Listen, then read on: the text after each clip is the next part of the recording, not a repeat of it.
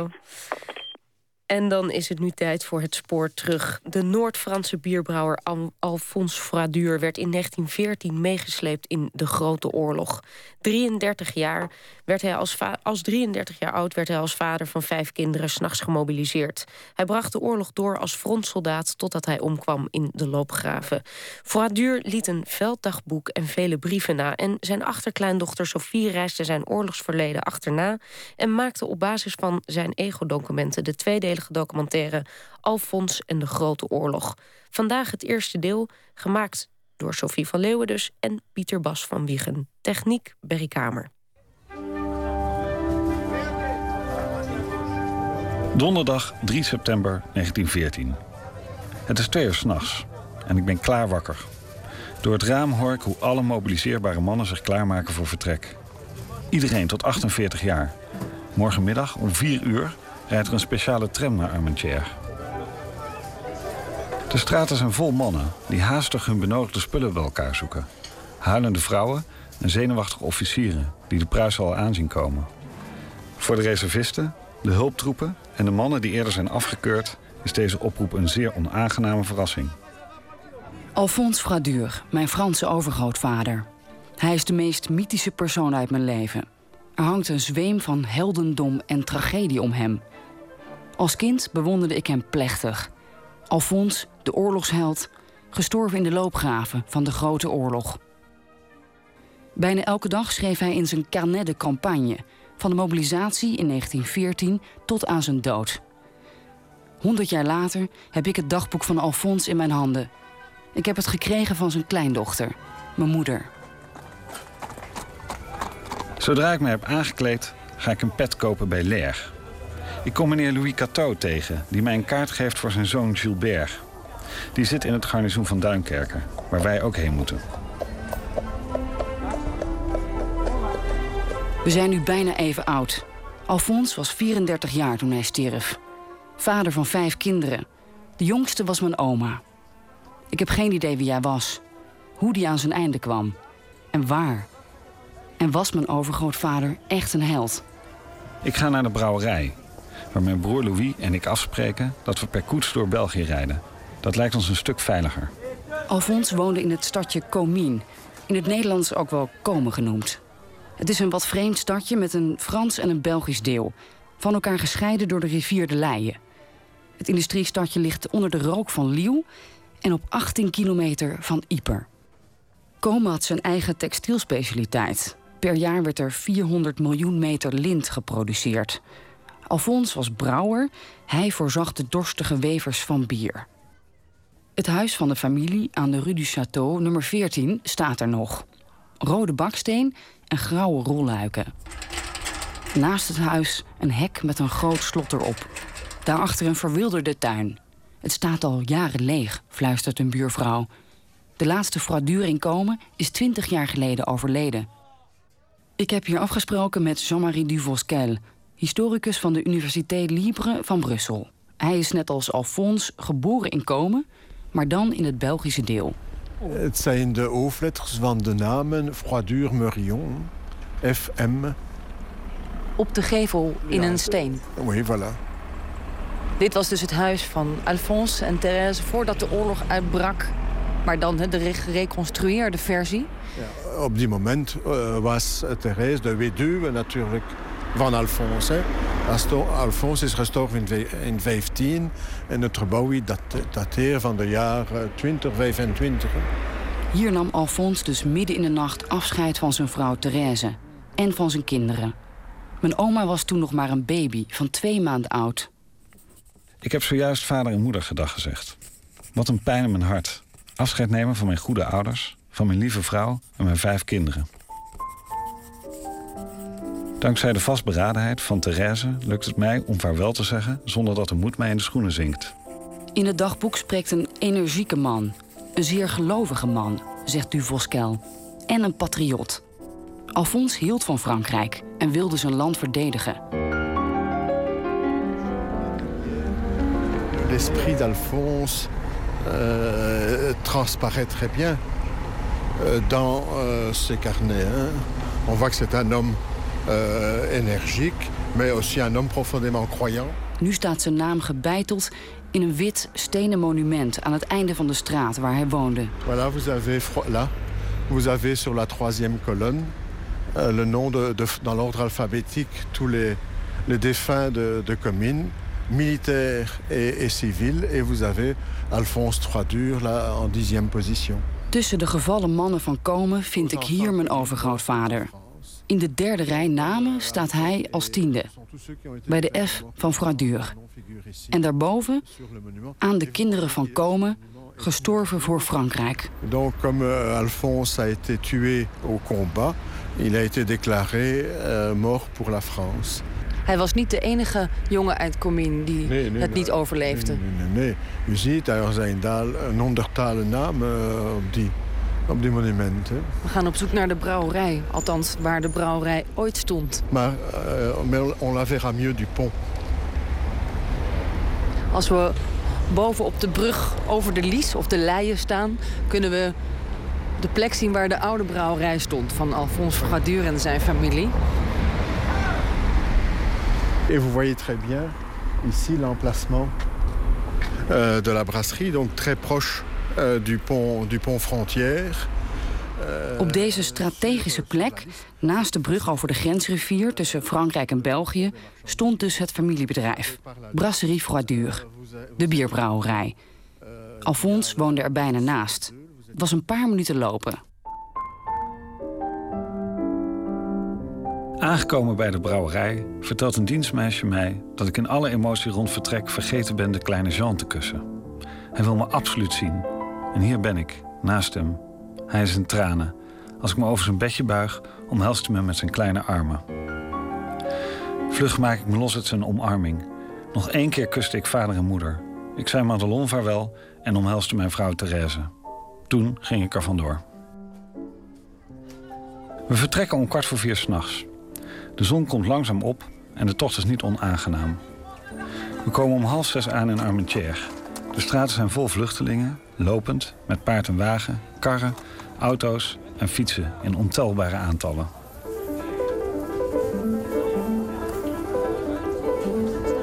Armentières, vrijdag 4 september 1914. Ons eerste doel vandaag is het vinden van vervoer naar Duinkerken. Het rijtuig van gisteren hebben Louis en ik teruggestuurd. We hebben absoluut geen zin om de trein te nemen. Alle auto's zijn gevlogen. Er is geen koets meer te huur. Eén verhuurder wil ons met paard en wagen naar Duinkerken brengen voor 150 frank. Louis wil onderhandelen, maar ik trek hem aan zijn mouw. We draaien ons om en besluiten naar het volgende dorp te lopen. De mannen gaan op pad. Alphonse, zijn twee jaar oudere broer Louis en een vriend, de vrolijke Albert, uitkomen. Hun bagage trekken ze op een karretje achter zich aan. Ze hebben haast om de oprukkende Duitsers voor te blijven, die al in Lille zitten. Onderweg komen ze meneer Dalaan tegen, een industrieel met een echte auto. Mogen we meerijden? vragen ze. Stap maar in, jongens. Bagage op het dak, vijf man binnen, twee man buiten en op naar Duinkerken. Voorbij het dorp Kassel stuiten we op vele voorposten en loopgraven. Verderop wordt hard gewerkt aan de verdediging. We passeren een auto vol Britse soldaten. Ze hebben een mitrailleur bij zich. Vervolgens een groep van zesdejagers te paard. Aangekomen in de havenstad wacht Alphonse samen met zijn vrienden uitkomen op een schip dat hen naar het veilige zuiden zal brengen. Daar, ver weg van het front, moeten deze burgerjongens veranderen in geduchte soldaten. Wachtend op de boot doden de mannen hun tijd met restaurant, café en kerkbezoek en zien ze langs de kade grote kanonnen staan. Dan, na twee dagen, is het zover. Het schip de Ceylon is 150 meter lang en we zitten met 2500 man aan boord. We zullen op de grond moeten slapen, met onze armen als kussen. Om drie uur s middags komt het schip in beweging en na wat manoeuvres in de haven passeren we de sluizen. Een menigte zwaait ons uit.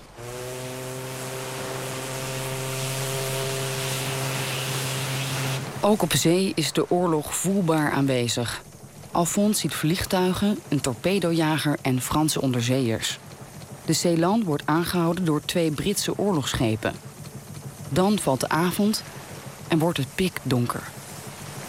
Na een zeer sobere maaltijd waarbij we zuinig aandoen met drank, ga ik slapen. Niet in het ruim, want daar hangt een weerzinwekkende lucht, maar op het bovendek. Terwijl ik dit schrijf, slapen mannen om mij heen. Anderen roken of praten. Ik voel het trillen van de motor. Lichtbakens aan de wal leiden ons door de nacht. Het is middernacht en ik ga achter op het schip zitten. Het is prachtig weer en de zee lijkt van olie. Ik kan lezen bij het licht van de maan, die schijnt aan een zuivere hemel vol sterren. De maan werpt zijn vuur op kleine golven. Het is alsof het water licht geeft. Om half twee ga ik slapen onder een rol kabels. Na een poosje word ik wakker. Ik strek mijn benen op de brug en rook om de tijd te doden.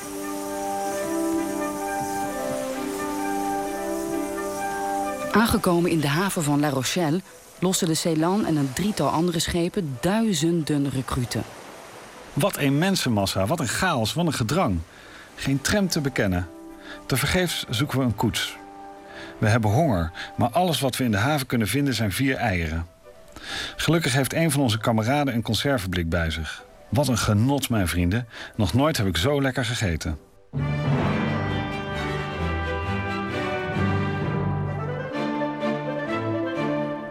Alphonse en zijn broer nemen hun intrek in Hotel de Variété. Een hotel dat tegelijkertijd café, restaurant en theater is. Op hun kamerdeur staat foyer. Het is opmerkelijk hoe makkelijk mijn overgrootvader steeds een hotelkamer regelt. Of een snelle lift. Terwijl er toch echt duizenden mannen rondlopen met vergelijkbare wensen. Blijkbaar heeft hij zijn zakken voor vertrek vol bankbiljetten gestopt. De reis gaat door. Maar waarheen? Vrijdag 11 september 1914. We rijden door Cognac, een streek vol weilanden, fruit en boomgaarden. Er liggen gewonde soldaten in onze trein. En we komen nog een trein vol gewonden tegen. Een andere vervoert vluchtelingen uit Calais. Een slachtoffer uit het 307e regiment vertelt ons hoe de slag bij Bapaume in Noord-Frankrijk is verlopen. Verrast in de mist, in compacte formatie, werd zijn regiment gedecimeerd. Bijna alle gewonden zijn in de benen geraakt. Toch lijken de mannen niet echt gedeprimeerd. Ik hoor een verhaal over een Franse korporaal die aan een hek is opgeknoopt door de Duitsers. Vijf uur lang steunde hij op het uiteinde van zijn tenen. Totdat er een Belg langskwam die hem redde. Een gevangen Duitser biechtte op wat er gebeurd was. En hij is gefusilleerd. De trein rijdt door, via Angoulême naar Limoges, in het hart van Frankrijk. Opnieuw is het chaos. Het station is overvol. Mensen liggen op de grond of op banken te slapen. De stationsrestauratie is overladen met gewonden, infanteriesoldaten, Senegalezen, Algerijnen en Tunesiërs.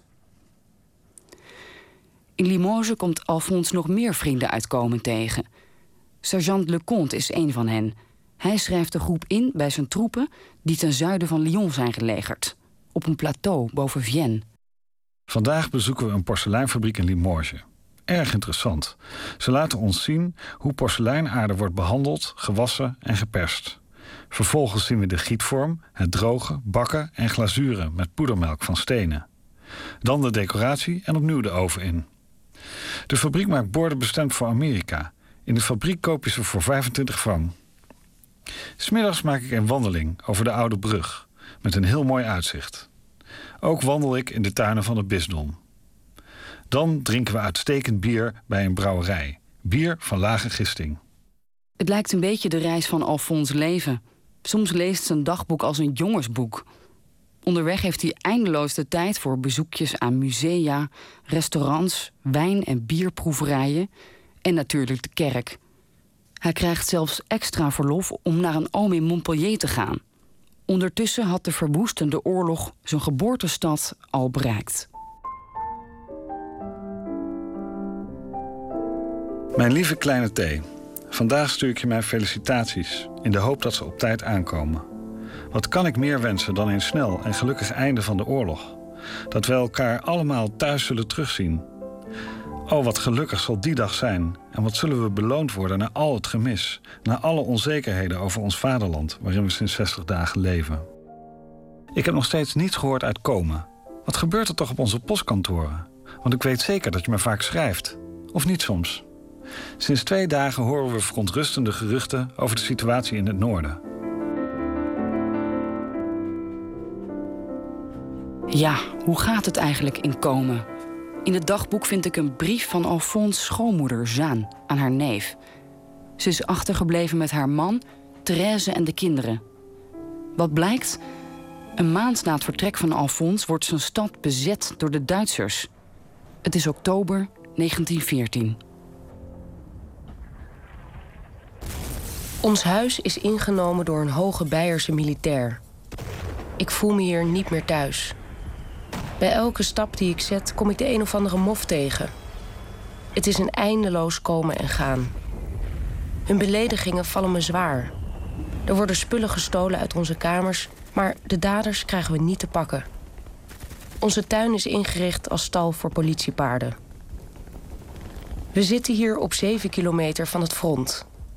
De granaten, bommen en shrapnels treffen ons stadje regelmatig. De oorlogsmachine zaait terreur en dood. Een verschrikkelijke explosie heeft ons huis zwaar beschadigd. Als de kanonnen bulderen, verschuilen we ons in de kelder. De bombardementen richten een afschuwelijke ravage aan in ons land. Hoeveel nachten brengen wij niet in doodsangst door onder ons huis? We vragen ons af of we morgen nog zullen leven. Dag en nacht horen we de granaten fluiten. Wat een sinister geluid. Er zijn 60 doden gevallen en nog veel meer gewonden. In het gemeentehuis van Komen-Waasten, het Belgische deel van de stad, ontmoet ik Francis de Simpel. Hij is hier voorzitter van het Historisch Genootschap van Komen. Daarin zitten vooral Belgen, maar ze hebben zich ook ontfermd over de geschiedenis van het Franse deel van de stad. De Simpel bereidt samen met Duvoskel en de burgemeester vier jaar van herdenkingen voor. De man gaat mij voor naar de raadzaal, waar hij een boekje open doet over het lot van Komen. Le front va se bloquer, je dirais à peu près. C'est-à-dire que Comines sera du côté allemand. Het front kwam hier tot stilstand. De Duitsers zaten in Komen, met tegenover hen in Waasten en Ploegsteert de Britten. Vier jaar lang zou het front nauwelijks bewegen. De legers groeven zich steeds dieper in. Alphonse is in het vrije Frankrijk. Zijn vrouw en kinderen in bezet gebied. Contact tussen beide zijden van de frontlijn is vrijwel onmogelijk. Sont euh, sous l'autorité allemande qui va s'installer ici pendant quatre ans. Ook de wegen van Alphonse, zijn broer Louis en hun vrienden scheiden. Na een lange reis begint dan eindelijk zijn militaire training in Vienne. En daar voelt hij zich eenzaam.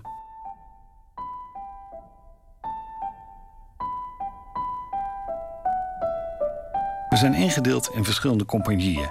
De discipline hier is zeer strak. We moeten in de kazerne slapen.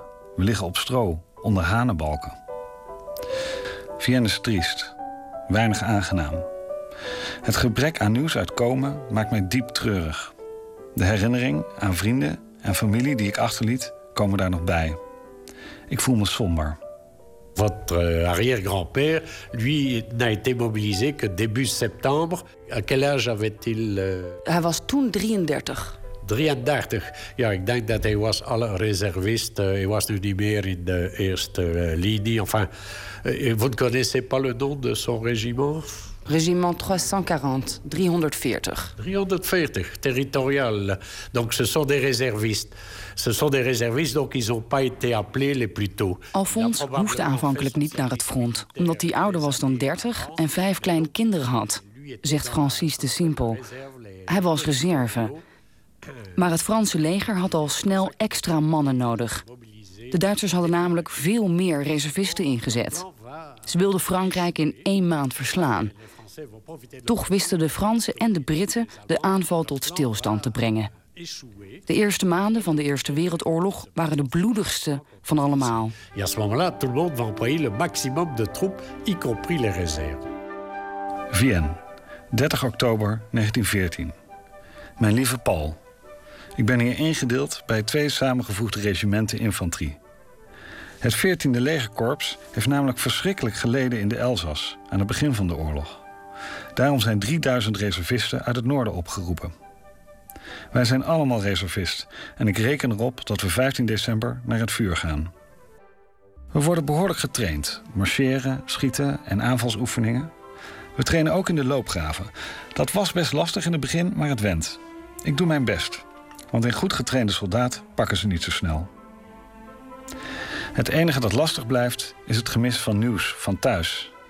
Wat voeren die vervloekte Duitsers daar uit, nu in komen alleen nog zieken en gebrekkigen wonen? Wat een toestand voor onze vrouwen en kinderen. Tot ziens, mijn lieve Paul. Ik stuur je mijn hartelijke groet. Deze brief is nooit aangekomen. Alfons krijgt hem retour. Een paar dagen later wordt hij opgeroepen voor het front. Mijn regiment vecht in de Elzas.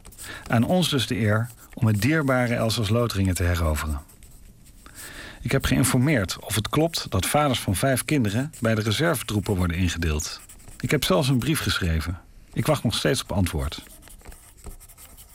De patriot Alfons probeert de eerste linies dus toch te ontlopen. Intussen is hij ronduit enthousiast over de trainingsloopgraven. Alfons houdt wel van een beetje comfort en hij vindt de modelloopgraaf ronduit geslaagd. Hij lijkt bijna opgelucht.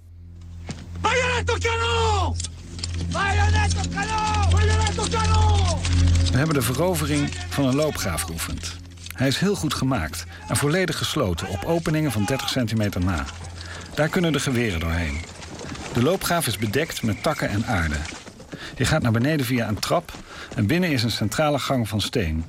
Daarachter een aarden bank bedekt met varens om op te zitten. Verderop in de tunnel is het slaapvertrek. Je voelt je er echt veilig.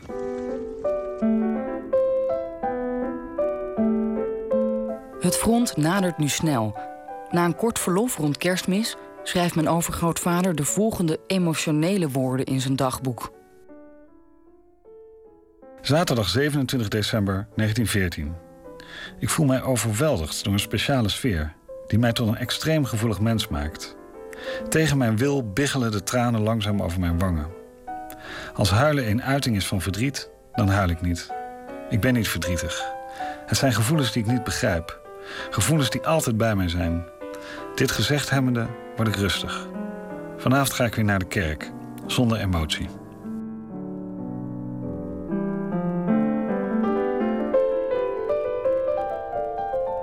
Woensdag 13 januari 1915. Ik heb gedroomd over komen. Het huis stortte in. Stukje voor stukje brokkelde het af. Ik moest Therese redden. Die lag binnen te slapen. Alfons' droom werd realiteit. In 1917 zou zijn stad volledig worden geëvacueerd... ter voorbereiding op de derde slag bij Yper. Therese en de kinderen vluchten naar België. Het huis van de familie, de bierbrouwerij, heel Komen zou worden vernietigd. Dankzij de brief van Jeanne, de moeder van Therese, weet ik wat er is gebeurd. We mogen 25 kilo bagage meenemen. Het komt erop neer dat we alles moeten achterlaten. Urenlang wachten we in het park, terwijl om ons heen de kanonnen tekeer gaan. Duitse officieren en soldaten plunderen ons huis. We worden in veewagens geladen, 30 personen per kar. Die brengt ons naar Waregem, in het zuidwesten van België. Het is alsof een deel van ons is gestorven. We zijn van onze geboortegrond verdreven. Van het land waar we zoveel hebben geleden, maar waar we zo gehecht aan zijn. We voelen ons volledig ontworteld. Als arme, ontredderde zielen dolen wij nu rond in de wereld.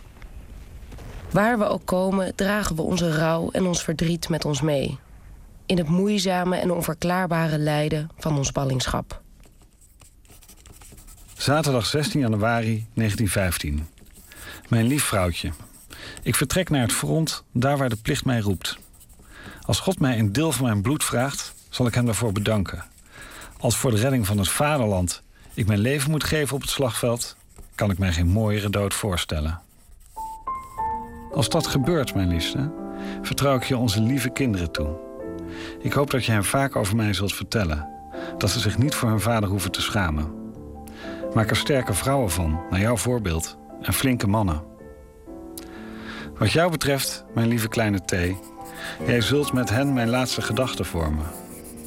Maak je geen zorgen, ik heb geen enkel onheilspellend voorgevoel. Tegelijkertijd is alles mogelijk. Wetende dat ik met mijn land ook mijn huis en mijn familie verdedig, vertrek ik naar het vuur. Mijn geweten is zuiver. En dan klopt mijn hart misschien soms een beetje snel. Ik weet zeker dat God mij beschermt. En dat ik levend bij je terug zal keren. Als een overwinnaar. En op die dag zingen we een geweldig te deum. Wil je aan papa en mama zeggen hoeveel ik van ze houd en hoezeer ik ze bedank? Aan Madelon en Gabrielle het allerbeste. Aan jou en aan mijn lieve kleintjes mijn tederste kussen. Je liefhebbende echtgenoot Alphonse Fradur.